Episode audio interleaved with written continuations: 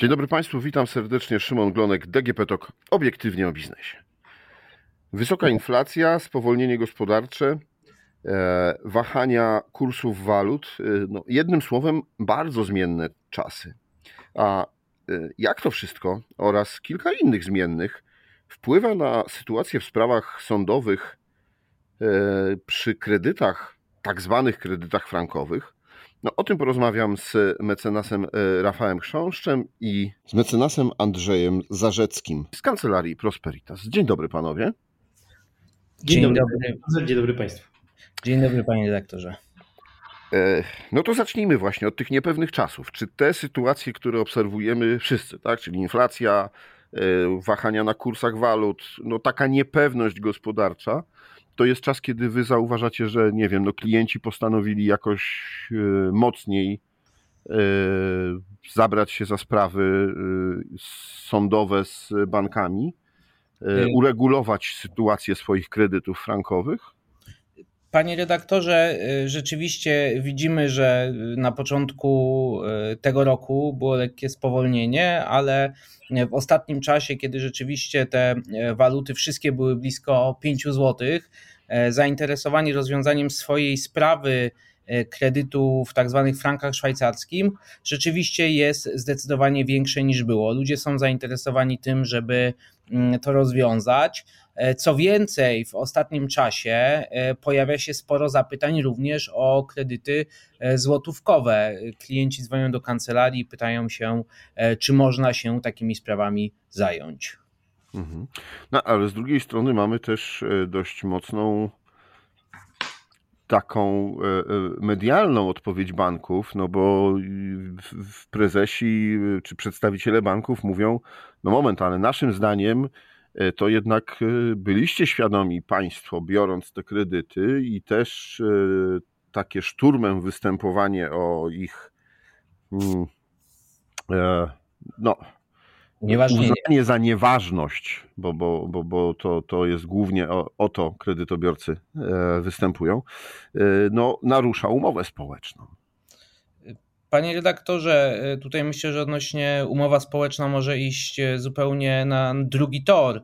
E, nie chodzi o to, że mm, osoby w 2006, 2007 czy 2008, bo wtedy zostało najwięcej udzielonych kredytów we frankach szwajcarskich, to kilkaset udzielonych, kilkaset tysięcy udzielonych kredytów, wiedziały, że ten kurs franka szwajcarskiego zmieni się o 100 czy o 110%. Ja chciałbym tylko przypomnieć, e, że w momencie, kiedy zostało najwięcej kredytów udzielonych we frankach szwajcarskich, ten kurs franka był złoty 97 i to nie wyglądało tak, że osoby, które udawały się do banków, przychodziły i były zdecydowane na kredyt frankowy. To były osoby, które były zdecydowane otrzymać kredyt w złotych polskich. Jednakże e, stopa WIBOR, która w tamtym czasie była bardzo wysoka, uniemożliwiała wzięcie kredytów e, na e, wnioskowaną sumę kredytobiorcom. No i tu przychodził e, z pomocą doradca kredytowy, który wskazywał, że jest kredyt, który zostanie wypłacony im w złotym polskim, oni będą go spłacać w złotym polskim, tylko on będzie tutaj na papierze wyrażony we franku szwajcarskim.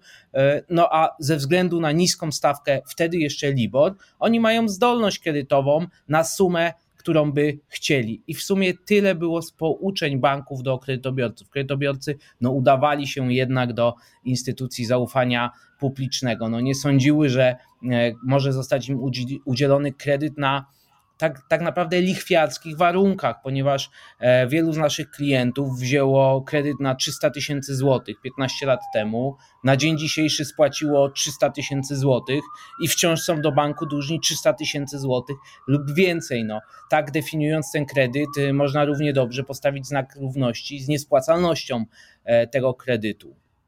Mhm.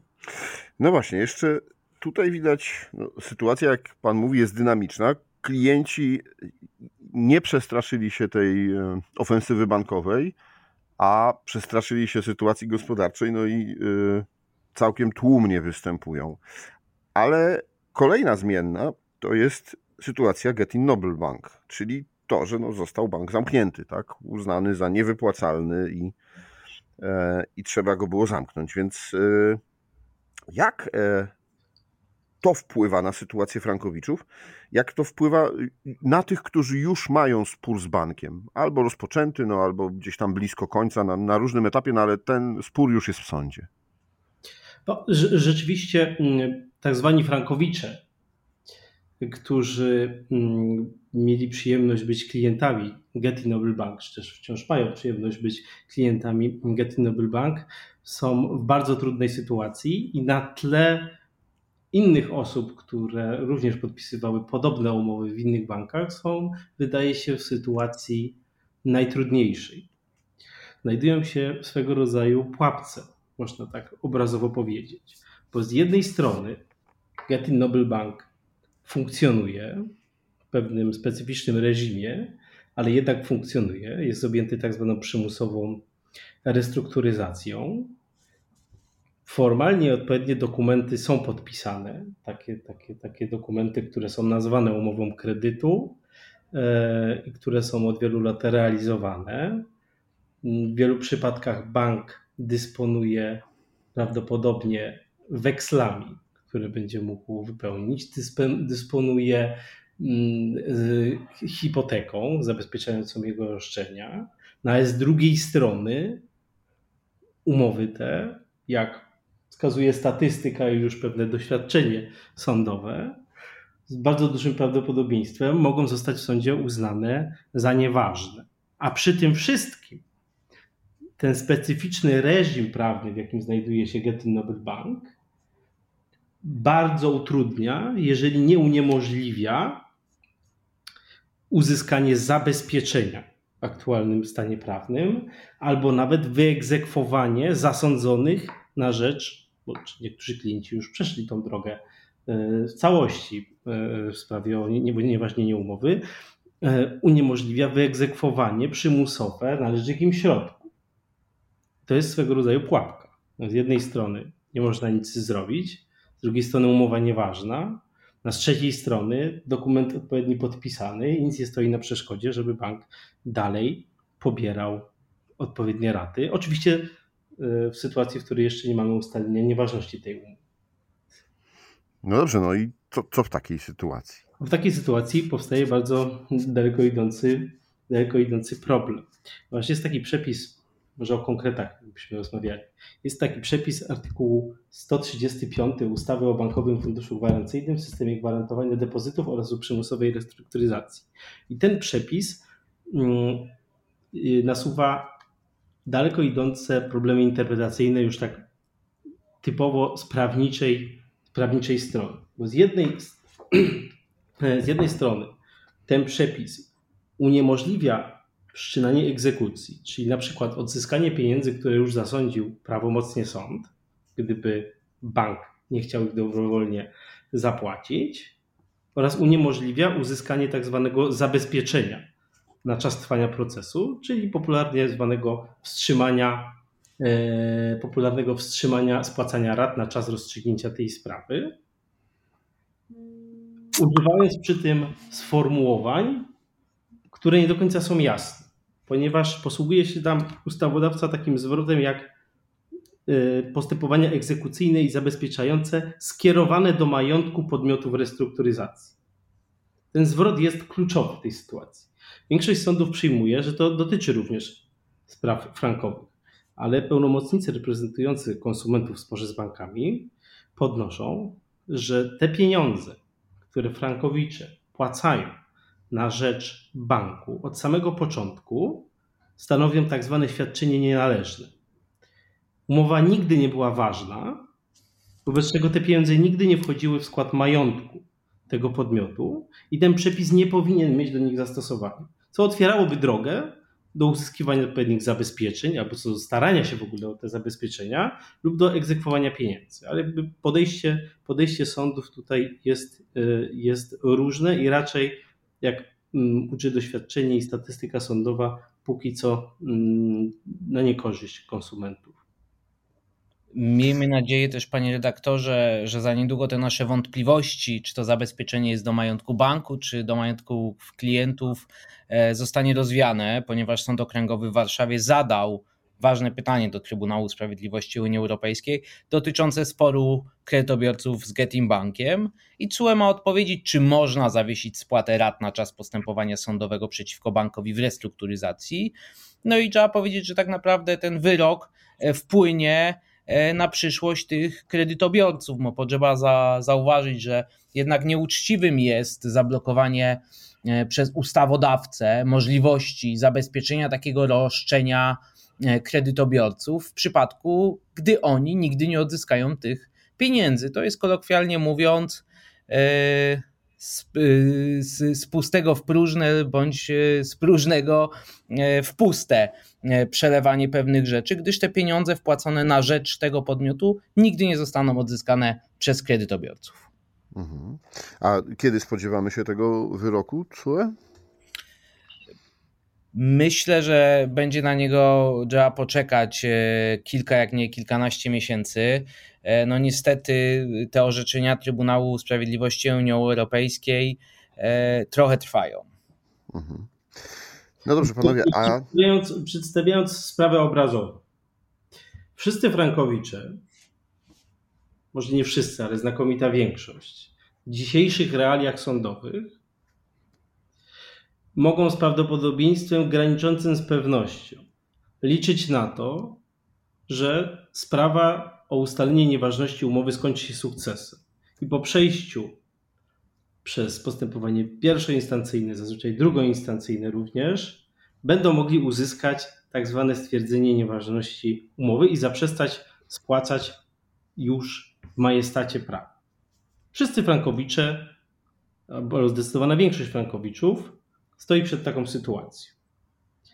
Sądy masowo odmawiają statystycznemu Frankowiczowi prawa do zaprzestania e, spłacania rat na czas trwania tego procesu, argumentując, że różnie, ale między innymi tak, że sytuacja banku jest e, dobra, bank jest pod kontrolą e, Komisji Nadzoru Finansowego i innych instytucji, poza tym nie wiadomo w końcu, jakie rozstrzygnięcie zapadnie, więc nie należy się zabezpieczenie, czyli to wstrzymanie, wstrzymanie wpłat. Jedynym chyba rzeczywiście bankiem, co do którego nie, ma, nie byłoby wątpliwości, że takie zabezpieczenie się należy, bo sytuacja tego banku jest kiepska, mówiąc językiem potocznym, jest Getty Noble Bank właśnie.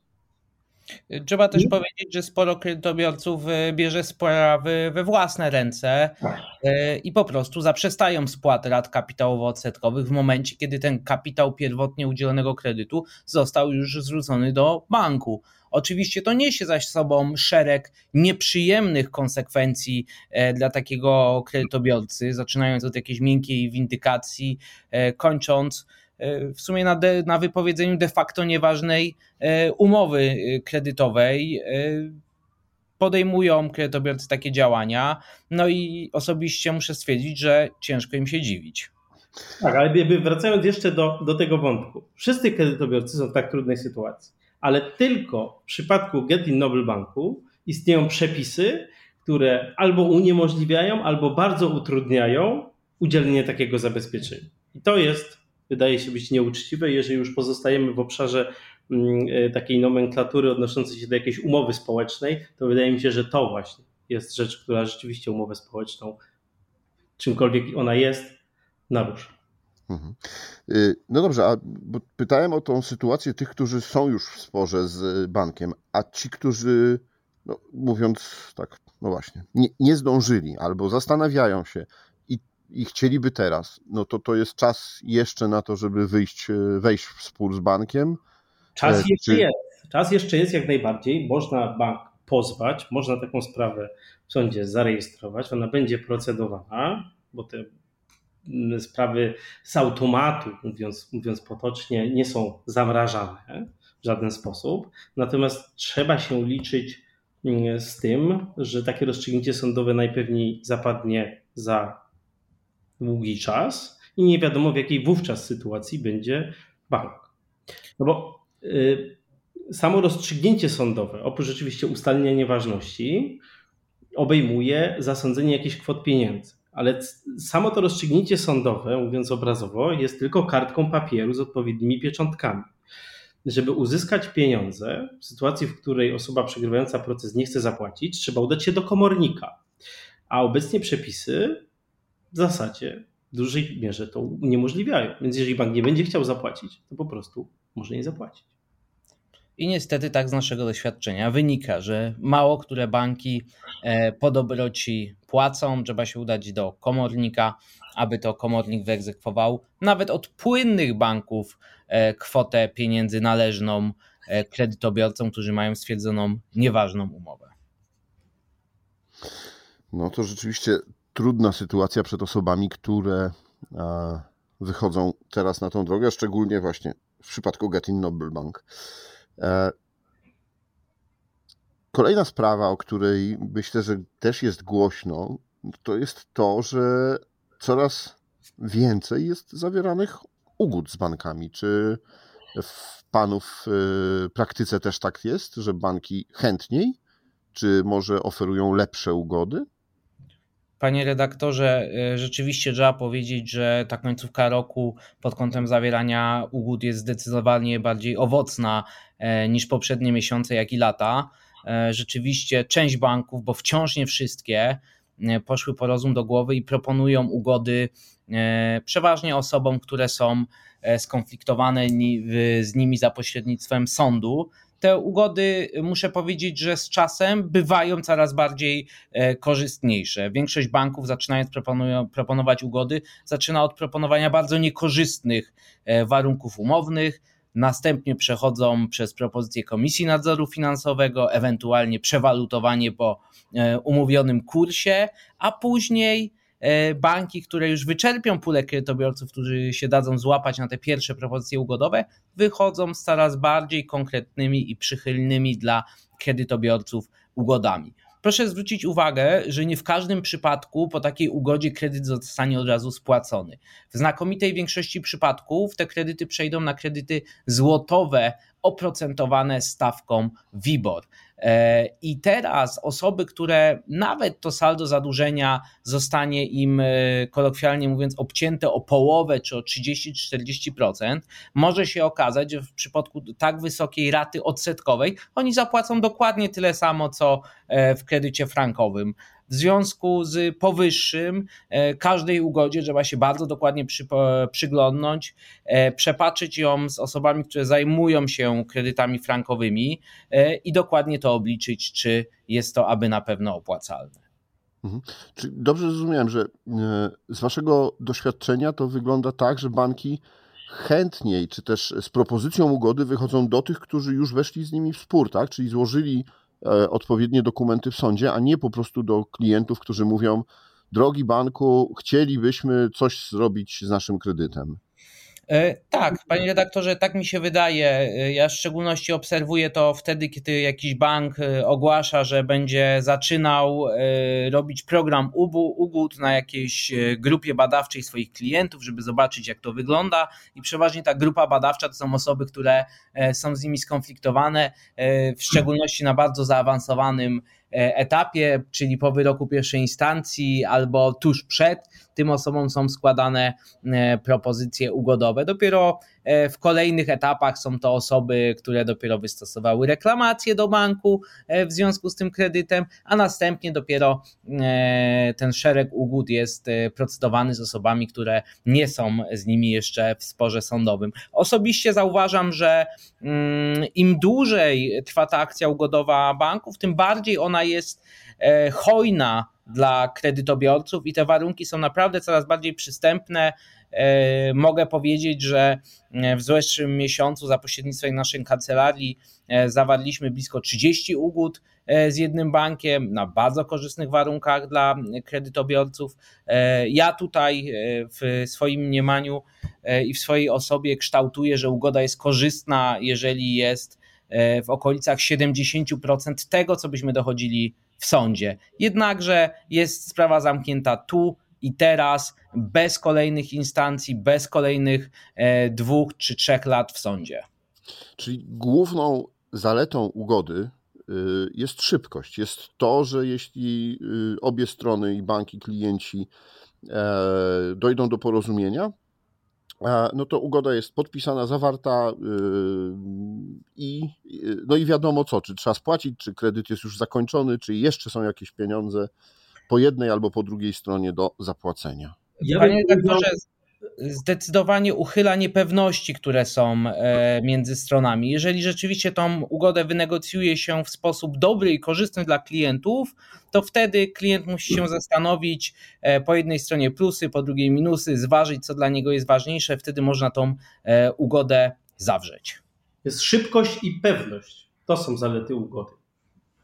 Mhm. Rozstrzygnięcie sprawy tu i teraz, bez narażania się na długotrwały proces, który no, statystyka statystyką, ale rzeczywiście nigdy nie wiadomo, jak się dana sprawa skończy i nie wiadomo, mm, co przyniesie ustalenie nieważności umowy, bo to też jest pewna, pewna niewiadoma. Jest no tak. też część klientów, która po prostu chce mieć święty spokój. E, mamy e, w portfelu naszym klientów e, osoby, które chcą jak najszybciej zakończyć tą sprawę, ponieważ postępowanie sądowe, pomimo pewności praktycznie wygrania tej sprawy, jest dla nich bardzo stresogenne i oni po prostu chcą się od tego uwolnić, podpisać tą ugodę i mieć, cytuję swoich klientów nawet z dzisiaj rana, święty spokój. Dziękuję panu bardzo za e, rozmowę. Myślę, że to dobre podsumowanie. E, no bo de facto tak, e, lata spędzone w banku, nerwy, nikt tego nie zwróci, żadne pieniądze tego nie zrekompensują. Więc może to jest dla wielu klientów słuszne i dobre rozwiązanie. Proszę Państwa, moim Państwa gościem byli mecenasi Rafał Chrząszcz i Andrzej Zarzecki z kancelarii Prosperitas, a to było DGP Talk obiektywnie o biznesie. Rozmawiał Szymon Glonek. Do usłyszenia. Dziękuję Panie redaktorze, dziękuję Państwu. Dziękuję, do widzenia.